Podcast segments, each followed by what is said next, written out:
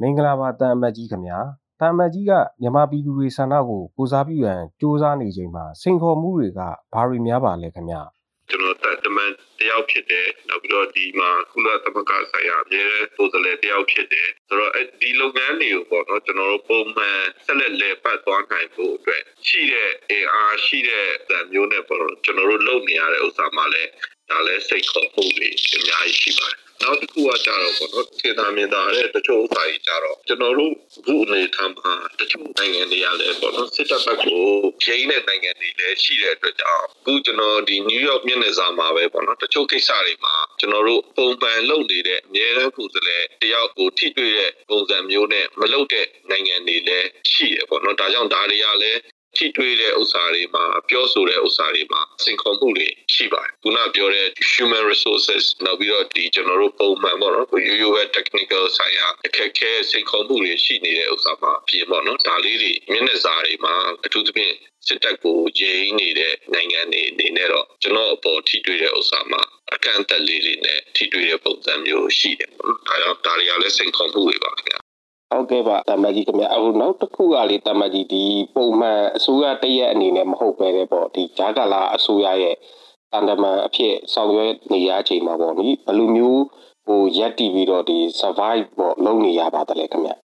ဟုတ်ကဲ့ပါခင်ဗျ ရင်ဒေါ်ဆဆူကြည်ဦးဆောင်တဲ့အစိုးရလက်ထက်မှာတည်းอ่ะပေါ့ကျွန်တော်ကိုအများနဲ့ကိုယ်စားလှယ်အနေနဲ့ခန့်အပ်ခဲ့တယ်အဲ့ဒီဥစ္စာကဒီမှာပေါ့နော်ခုနပေါ့နော်ကျွန်တော်တို့တချို့တန်တမန်မျက်နှာစာမှာတော့တချို့စင်ခုံမှုတွေတော့ရှိတယ်ဒါပေမဲ့ဒီမှာလောက်ကင်နေတဲ့ဥစ္စာတွေမှာတော့ပေါ့နော်ပုံမှန်တက်နိုင်တယ်များပေါ့နော်အရင်တိုင်းပုံမှန်လေပတ်နိုင်အောင်ပုံမှန်လေပတ်နိုင်တဲ့နီးတွေနဲ့နီးပုံစံတွေနဲ့ပဲကျွန်တော်လောက်ကင်နေတယ်ပေါ့နော်အထူးသဖြင့်ဂျေဘူရပဲပေါ့နော်ပုံမှန်အတိုင်းအရင်ကမြန်မာအဖွဲ့ရုံးလုပ်နေတဲ့ဥစ္စာတွေကိုပုံမှန်အတိုင်းဆက်လက်လှုပ်ရှားသွားနိုင်အောင်ကျွန်တော်တို့ဆက်လက်ဆောင်ရွက်နိုင်တယ်ဆက်လက်လည်းဆောင်ရွက်နေတယ်။အဲကြောင့်ဒီမြန်မာအဖွဲ့ရုံးရဲ့ function ကတော့ပုံမှန်အတိုင်းလက်ပတ်နိုင်တဲ့အနေအထားမျိုးရှိရဲဆိုတာလေးလည်းကျွန်တော်တင်ပြလိုပါတယ်အထူးသဖြင့်ပေါ့နော်ကျွန်တော်တို့ဒီမှာရှိတဲ့နိုင်ငံရခြားမှာရှိတဲ့မြန်မာပြည်သူတွေရဲ့ပံ့ပိုးမှုပေါ့နော်ချိန်ပိုင်းဆိုင်ရာကိုပိုင်းဆိုင်ရာပံ့ပိုးမှုတွေကလည်းကျွန်တော်တို့ဒီလုပ်ငန်းမှာဆက်လက်ပုံမှန်တိုင်းလဲပတ်နိုင်ရေးအတွက်ပေါ့နော်အများကြီးထောက်ကူ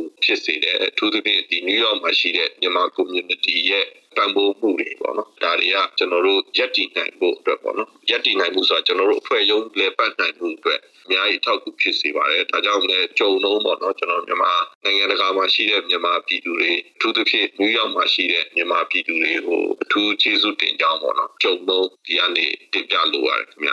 ဟုတ်ကဲ့ပါဟိုတမကြီးခင်ဗျဟိုနောက်တစ်ခုကလေဒီခု ကုလသမဂ္ဂရဲ့လုံခြုံရေးကောင်စီကနေပြီးတော့အကြံဖတ်စစ်အုပ်စုကိုသူလိုက်နာရမယ့်အစုပ်ဖြတ်ချက်တွေချတာရတယ်ခင်ဗျအဲ့တော့တကယ်လို့များမလိုက်နာဘူးဆိုရင်နောက်ဆက်တွဲအရေးယူတာမျိုးတွေများရှိလာမလားတာမကြီးခင်ဗျ ဟုတ်ကဲ့ပါခင်ဗျာကျွန်တော်အားလုံးသိတဲ့အတိုင်းပေါ့နော်ပြီးခဲ့တဲ့လဒီဇင်ဘာ21ရက်နေ့ကကုလသမဂ္ဂလုံခြုံရေးကောင်စီကနေပြီးတော့မြန်မာနိုင်ငံနဲ့ပတ်သက်ပြီးတော့ဆုံးဖြတ်ချက်အဆိုချမှတ်နိုင်ခဲ့တယ်အဲ့ဒီဆုံးဖြတ်ချက်အဆိုထဲမှာလည်းပေါ့နော်ဘာတွေလှုပ်ဆောင်ဖို့ဆိုတဲ့တိုက်တွန်းချက်တွေဘာတွေလှုပ်ဆောင်ဖို့ဆိုတဲ့တောင်းဆိုချက်တွေပေါ့နော်ပါဝင်ပါတယ်ဒါကြောင့်မို့လို့ပေါ့နော်ဒီ resolution itself ကကျွန်တော်တို့ legally binding ဖြစ်တယ်ပေါ့နော်လုံခြုံရေးကောင်စီရဲ့ဆုံးဖြတ်ချက်ဖြစ်တဲ့အတွက်ကြောင့်ဥပဒေပိုင်းဆိုင်ရာအရချီနှောင်မှုရှိတယ်စီးနှောင်မှုရှိတယ်ဒါကြောင့်ဖွဲ့ဝင်နိုင်ငံတွေအနေနဲ့လိုက်ပါဆောင်ရွက်ရမယ်တာဝန်ရှိတယ်ပေါ့နော် ဆိုတော့ဒါတွေကိုဒါပုံမှန်အတိုင်းပေါ့နော်ဒါတွေကိုလိုက်ပါဆောင်ရွက်နိုင်ခြင်းလိုက်ပါဆောင်ရွက်ဖို့ဆန္ဒမရှိဘူးဆိုရင်တော့ပေါ့နော်တဖြည်းဖြည်းနဲ့ဒီထက်ဒီထက်ပိုပြီးတော့စီးနှောင်မှုပြင်းထန်တဲ့ဒီဆုံးဖြတ်ချက်တွေရှိလာမယ်လို့တော့ကျွန်တော်ယုံကြည်တယ်ဘာလို့လဲဆိုတော့လုံခြုံရေးကောင်စီကအဲသူ့ရဲ့လုပ်ပိုင်ခွင့်တွေသူ့ရဲ့ credibility တွေလည်းရှိတဲ့အတွက်ကြောင့်သူကချမှတ်လိုက်တဲ့ဆုံးဖြတ်ချက်ကိုဖွဲ့ဝင်နိုင်ငံတနိုင်ငံကလိုက်မနာဘူးဆိုရင်သူတို့ရဲ့ပုံစံအတိုင်းပေါ့နော်တဖြည်းတဖြည်းတဖြည်းဖြည်းနဲ့စီးနှောင်အားရှိတဲ့ဆုံးဖြတ်ချက်တွေပို့ပြီးတော့ပြင်းထန်တဲ့ဆုံးဖြတ်ချက်တွေချလာမယ်လို့တော့ကျွန်တော်ယုံကြည်တယ်ဒါကြောင့်လုံခြုံရေးကောင်စီကတော့မြန်မာနိုင်ငံမှာဒီလိုမျိုးလုံခြုံရေးကောင်စီရဲ့ဆုံးဖြတ်ချက်တွေကိုမလိုက်နာမှုအထူးသဖြင့်ပေါ့နော်ပြည်သူတွေအခုအသက်ဆုံးရှုံးနေရမှုတွေနောက်ပြီးတော့ပြည်သူတွေရဲ့ကိုယ်အိမ်တွေပျက်စီးရှုံးဆုံးမှုမီးရှို့ခံရမှုတွေ နောက်ပြီးတော့လေရင်နဲ့ပေါ့နော်ပြစ်မဲ့တဲ့ပြည်သူတွေပေါ်မှာဘုံကျဲချနေမှုတွေဆိုဒါတွေကိုတော့လက်ပိုက်ကြည့်နေမှာမဟုတ်ဘူးလို့တော့ကျွန်တော်ယုံကြည်တယ်ဒါကြောင့်ဒီဆုံးဖြတ်ချက်အဆိုကကျွန်တော်တို့အတွက်ပထမခြေလှမ်းတစ်ခုဖြစ်တယ်လို့ဒီဆုံးဖြတ်ချက်အဆိုမှာ ပါတဲ့အချက်လက်တွေကိုဒီစစ်တပ်အနေနဲ့မလိုက်နိုင်ဘူးဆိုရင်တော့တဖြည်းဖြည်းနဲ့ဒီထက်ဒီထက်ပိုပြင်းတဲ့အရေးယူနိုင်မဲ့သုံးဖြတ်ချက်တွေအားလိမ့်မယ်လို့တော့ကျွန်တော်ယုံကြည်ပါတယ်ခင်ဗျာဒါကတော့လုံခြုံရေးကောင်စီရဲ့လုံလေလုံထားရှိတဲ့ပုံစံပုံတွေကနေပြီးတော့တဆင့်တဆင့်သွားတဲ့ဥစ္စာမျိုးရှိတဲ့အတွက်ကြောင့်ပေါ့နော်တဖြည်းဖြည်းနဲ့တော့ဒါကအရေးယူနိုင်တဲ့ဥစ္စာတွေပိုပိုပြင်းထန်လာနိုင်မယ်လို့တော့ကျွန်တော်တော့ယုံကြည်ပါတယ်ခင်ဗျာ ဟုတ်ကဲ့ပါတမကြီးခင်ဗျဟိုနောက်ထပ်နှစ်ခုလောက်ပါပဲတမကြီးအခုဒီကုလသမဂ္ဂရဲ့ဂျိုးပန်ချက်တွေကလိုအပ်ချက်တွေများရှိအောင်မလားပေါ့နော်ဒီမြန်မာပြည်သူတွေအတွက်ပေါ့ထပ်မံပြီးတော့ဘာတွေများဖြည့်ဆည်းပေးဖို့များလိုမလဲမသိဘူးခင်ဗျဟုတ်ကဲ့ဟိုဆွေးနွေးပြောရင်ကျွန်တော်တို့ခုနှစ်ကပေါ့နော်ဒီစစ်တပ်ကတရားအာဏာသိမ်းပြီးတဲ့နောက်ပိုင်းကနေစပြီးတော့ကျွန်တော်တို့ပြည်သူတွေအနေနဲ့တောင်းဆိုလာတဲ့တောင်းဆိုလာတဲ့ဥစ္စာတွေကအများကြီးပဲပေါ့နော် အဲ့ဒီတောင်းဆိုလာတဲ့ဥစ္စာတွေခုန R2P လိုမျိုးတွေဆောင်ရွက်ပေးဖို့နောက်ပြီးတော့ no fly zone တွေဆောင်ရွက်ပေးဖို့ဆိုတဲ့ဥစ္စာတွေပေါ့ နော်ကျွန်တော်တို့တောင်းဆိုလာတယ်နောက်ပြီးတော့စစ်တပ်ကိုလက်နက်ရောက်ချမှုကနေပြီးတော့ပိတ်ပေးပေးဖို့ဆိုတဲ့ဥစ္စာတွေကအစပေါ့နော်ကျွန်တော်တို့တောင်းဆိုလာတဲ့ဥစ္စာတွေအများကြီးရှိခဲ့တယ်ပေါ့နော်ဒီတောင်းဆိုလာတဲ့ဥစ္စာတွေကိုဘာပြောပြောမကြောက်လားဆိုတော့လေဒီနိုင်ငံတကာအတိုင်းဝိုင်းကကြားတယ်ပေါ့ကုလသမဂ္ဂအနေနဲ့အဖွဲ့ဝင်နိုင်ငံတွေနဲ့ကြားတယ်ဒါပေမဲ့ခုနပြောသလိုဆောင်ရွက်ပေးနိုင်ဖို့ဒီလိုမျိုးဆုံးဖြတ်ချက်ချမှတ်နိုင်ဖို့အတွက်ဆိုရင်တော့နိုင်ငံတွေကနေပြီးတော့သဘောတူဖို့လည်းလိုတယ်ဖြစ်တဲ့အတွက်ကြောင့်ခုန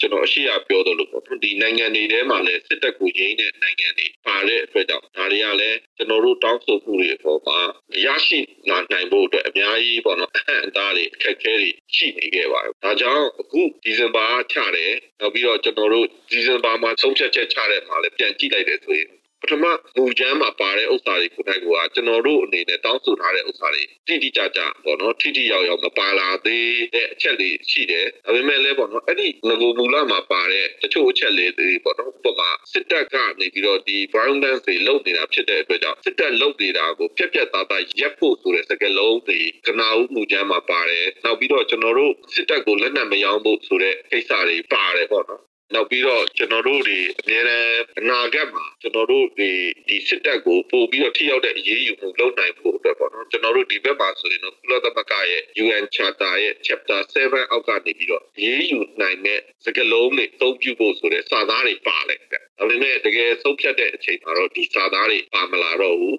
ဒါကလည်းခုနပြောတော့ဆုံးဖြတ်ချက်အစိုးတစ်ခုချနိုင်ဖို့အတွက်ဗီတိုသုံးတဲ့နိုင်ငံတွေအသုံးနိုင်ဖို့အတွက်ပေါ့မတတ်နိုင်တဲ့များသူတို့လက်ခံနိုင်တဲ့စကလုံးတွေနဲ့ပြင်ဆင်တာပြီးတော့ထုတ်လိုက်ရတာဖြစ်တဲ့အတွက်ကြောင့်ကျွန်တော်တို့လိုချင်တဲ့စာသားတွေမပါလာဘူးပေါ့နော်ဒါကြောင့်မို့လို့ပြန်ထုတ်ရရင်ကျွန်တော်တို့ပြည်သူတွေအများနဲ့လည်းထုတ်ပေါ်ပြောကြားနေတဲ့အချက်လက်တွေတော့အခုထိတော့ကုလသမဂ္ဂအနေနဲ့နိုင်ငံတကာအတိုင်းဝိုင်းအနေနဲ့အပြည့်အဝဆောင်ရွက်ပြီးနိုင်ခြင်း မရှိသေးဘူး။ဒါကြောင့်ပြည်သူတွေ frustration ဖြစ်တယ်လို့ပေါ့နော်ကျွန်တော်တို့လည်းရန် frustration ဖြစ်ရပါတယ်ကျွန်တော်တောင်းဆိုစရာရှိတဲ့ဥစ္စာတွေကိုတော့ကျွန်တော်တို့ဆက်လက်တောင်းဆိုသွားမယ်ခုနလိုမျိုးပေါ့နော် R2P principles ကိုအသုံးပြုဖို့နောက်ပြီးတော့ဒီအခုလိုမျိုးပေါ့နော်ကျွန်တော်တို့ပြည်သူတွေ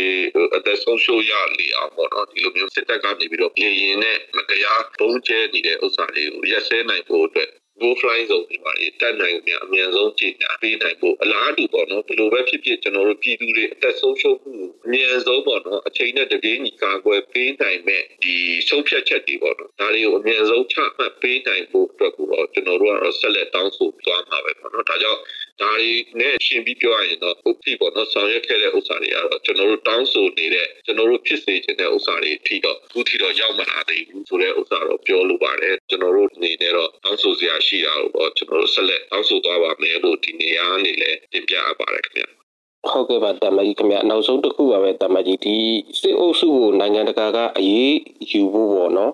အဲ့ဒီဒီအကြောင်းအရာနဲ့ကိစ္စရပ်တွေမှာအဟံအတားတွေကတမကြီးခင်ဗျဘာတွေများဖြစ်နေပါသလဲမသိဘူး ကျွန်တော်အရှိရပြောသွားတဲ့အချက်တော်တော်များများမှလည်းပါပါနော်ဒီ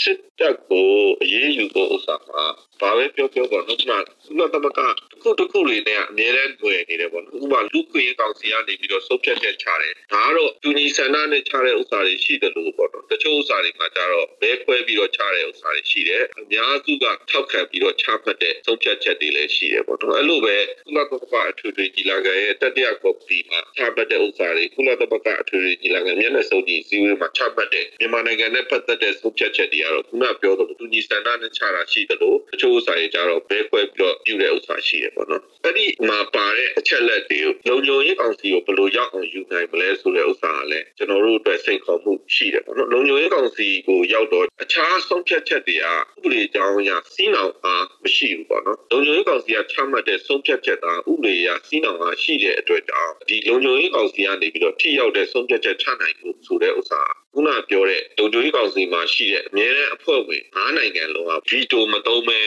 ဗီတိုမသုံးနဲ့ဆိုတာလွယ်လွယ်ပြောတာပါဒီစန့်ကျင်မဲ့မပေးမှရမှာဖြစ်တဲ့အတွက်ကြောင့်ဒီဥစ္စာကလည်းကျွန်တော်တို့အတွက်စိန်ခေါ်မှုပဲပေါ့နော်လုံခြုံရေးကောင်စီကနေတခုခု ဒီစစ်တပ်ကလူတွေကိုဒီလိုမျိုး crimes against humanity war crimes atrocities တွေကျူးလွန်နေတဲ့လူတွေဒီ perpetrators တွေကိုနိုင်ငံတကာစုံရုံးကနေပြီးတော့ရေးယူနိုင်ဖို့ဆိုတဲ့ဥစ္စာကကျွန်တော်တို့လုံခြုံရေးကောင်စီကနေပြီးတော့အဲ့ဒီ ICC လို့လိုမျိုးကို refer လုပ်လိုက်တယ်ဆိုရင်ဒါအမြန်ဆုံးနည်းလမ်းပဲပေါ့နော်ဖြစ်ဖြစ်တဲ့ဥစ္စာပေါ့နော်ဒါကြောင့် ဒါရဖို့ဆိုတဲ့ဥစ္စာဒီ justice and accountability ရှိဖို့ဆိုတဲ့ဥစ္စာကိုကျွန်တော်တို့အများနဲ့တောင်းဆိုတဲ့ဥစ္စာရှိတယ်ပေါ့။ဒါကြောင့်လုံခြုံရေးကောင်စီကနေပြီးတော့အများနဲ့အဖွဲ့ဝင်၅နိုင်ငံကနေပြီးတော့လက်ခံတဲ့သဘောတူတဲ့စန့်ကျင်ပဲမပေးတဲ့ဆုံးဖြတ်ချက်မျိုးရနိုင်တယ်ဆိုရင်ကျွန်တော်တို့ခုနလိုမျိုးပြောတဲ့ဒီ ICC ကို refer လုပ်တဲ့ဥစ္စာတွေဖြစ်လာနိုင်။ ဒါပေမဲ့ဒီလုံခြုံရေးကောင်စီရဲ့အများနဲ့အဖွဲ့ဝင်နိုင်ငံတွေထဲမှာပဲစစ်တပ်ကိုရင်းတဲ့နိုင်ငံတွေလည်းရှိနေတဲ့အတွက်ကြောင့်တချို့ဥစ္စာတွေမှာကျွန်တော်တို့ခုနလိုမျိုး ICC ကို refer လုပ်တဲ့ဥစ္စာတွေဆိုရင်တော်တော်လေးကိုအချိန်ယူပြီးတော့လုပ်ရမယ်ဥစ္စာမျိုးဒါပေမဲ့လည်းပေါ့နော်ခုနပြောတဲ့နိုင်ငံတွေအနေနဲ့ကျွန်တော်တို့ပြည်သူတွေရဲ့အတန်ကြားတယ်ပြည်သူတွေရဲ့ aspiration ကိုနားလည်လာတယ်ပြည်သူတွေကိုထောက်ခံမှုအားအပြည့်ဖြစ်လာတယ်ဆိုရင်တော့ဒါတွေကလွယ်လာနိုင်တဲ့ဥစ္စာတွေပေါ့နော်နောက်တစ်ခုကကျတော့ ICC ကိုတန်းသွားတဲ့ဥစ္စာတွေပေါ့ နော်ကျွန်တော်တို့အခုဆိုရင် NUG ကနေပြီးတော့ ICC ရဲ့ article 12.3အောက်ကနေပြီးတော့ကျွန်တော်တို့ ICC ကမြန်မာနိုင်ငံပေါ် jurisdiction ရှိရဲဆိုတဲ့ဥစ္စာကိုကျွန်တော်တို့ declare လုပ်ထားတာရှိတယ်ပေါ့။ဘာလို့လဲဆိုတော့ကျွန်တော်တို့က ICC အဖွဲ့ဝင်နိုင်ငံမဟုတ်တဲ့အတွက်ကြောင့်ကျွန်တော်တို့ဒီ12.3အောက်ကနေပြီးတော့အရေးယူနိုင်ဖို့အတွက်လှုံ့ဆော်ထားတာရှိတယ်။ဒါပေမဲ့လည်းဒါတွေကဥပဒေကြောင်းဆိုင်ရာစိန်ခေါ်မှုတွေနောက်ပြီးတော့လှုပ်ထုံးလုပ်နည်းပိုင်းဆိုင်ရာစိန်ခေါ်မှုတွေနဲ့ကျွန်တော်တို့အခုထိပြင်ဆိုင်နေရတဲ့အတွက်ကြောင့်ပြီးခဲ့တဲ့2021ဇူလိုင်ထဲကကျွန်တော်တို့ ICC ကိုအကြောင်းကြားထားတော့ညာလဲပေါ့နော်။အခုထိ တိတာထင်ရှားတဲ့လှုပ်ရှားမှုတွေဖြစ်မှာသေးဘူးဆိုတဲ့ဥစ္စာမျိုးရှိပါဒါကြောင့်မို့လို့စိန်ခေါ်မှုတွေကတော့ခုနစစ်တပ်ကိုရင်းတဲ့နိုင်ငံတွေရဲ့စိန်ခေါ်မှုရှိတယ်လို့တချို့ဥစ္စာတွေမှာကြတော့ဒီဒီလှုပ်ထုံးလုပ်ပြီးတွေမူတွေဥပဒေတွေအရဒါတွေကလည်းကျွန်တော်တို့အခုဒီစစ်တပ်ကကျူးလွန်နေတဲ့လူတွေကိုရေးယူနိုင်ဖို့တဲ့ဟန်သားလေးတွေရှိနေတယ်ဆိုတဲ့ဥစ္စာမျိုးတော့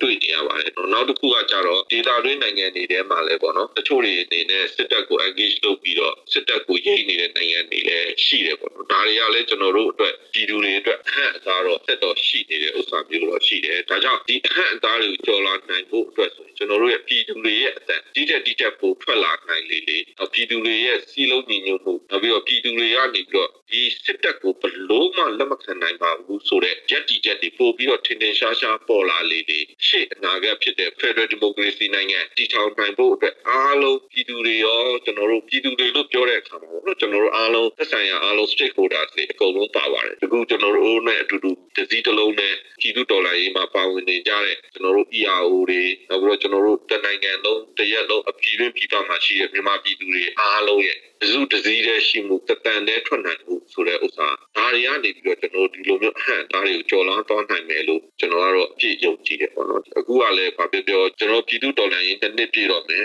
သုံးနှစ်ထဲရောက်လာတော့မယ်ဆိုတော့ကျွန်တော်တို့ဆုံးဖြတ်တဲ့နှစ်ဖြစ်ရမယ်ဒီ2023မှာတကယ်ကိုလက်တွေ့ဆုံးဖြတ်နိုင်အောင်ပြည်သူတွေရဲ့အားနဲ့ကျွန်တော်တို့လှုပ်ဆောင်သွားနိုင်မယ်လို့ကျွန်တော်အပြည့်ယုံကြည်ပါတယ်ကျွန်တော်တို့တွေဒီတက်ဒီတက်ပို့ပြီးတော့ပေါ့နော်ခြေလမ်းတွေဆက်တိုးပေးသွားကြဖို့လေကျွန်တော်မြေတားရက်ခံတိုက်တွန်းလိုပါတယ်ခင်ဗျာကျေးဇူးတင်ပါတယ်တာမန်ကြီးခင်ဗျာဟုတ်ကဲ့ကျေးဇူးပါကိုမင်းမင်းခင်ဗျာဟုတ်ကဲ့ပါ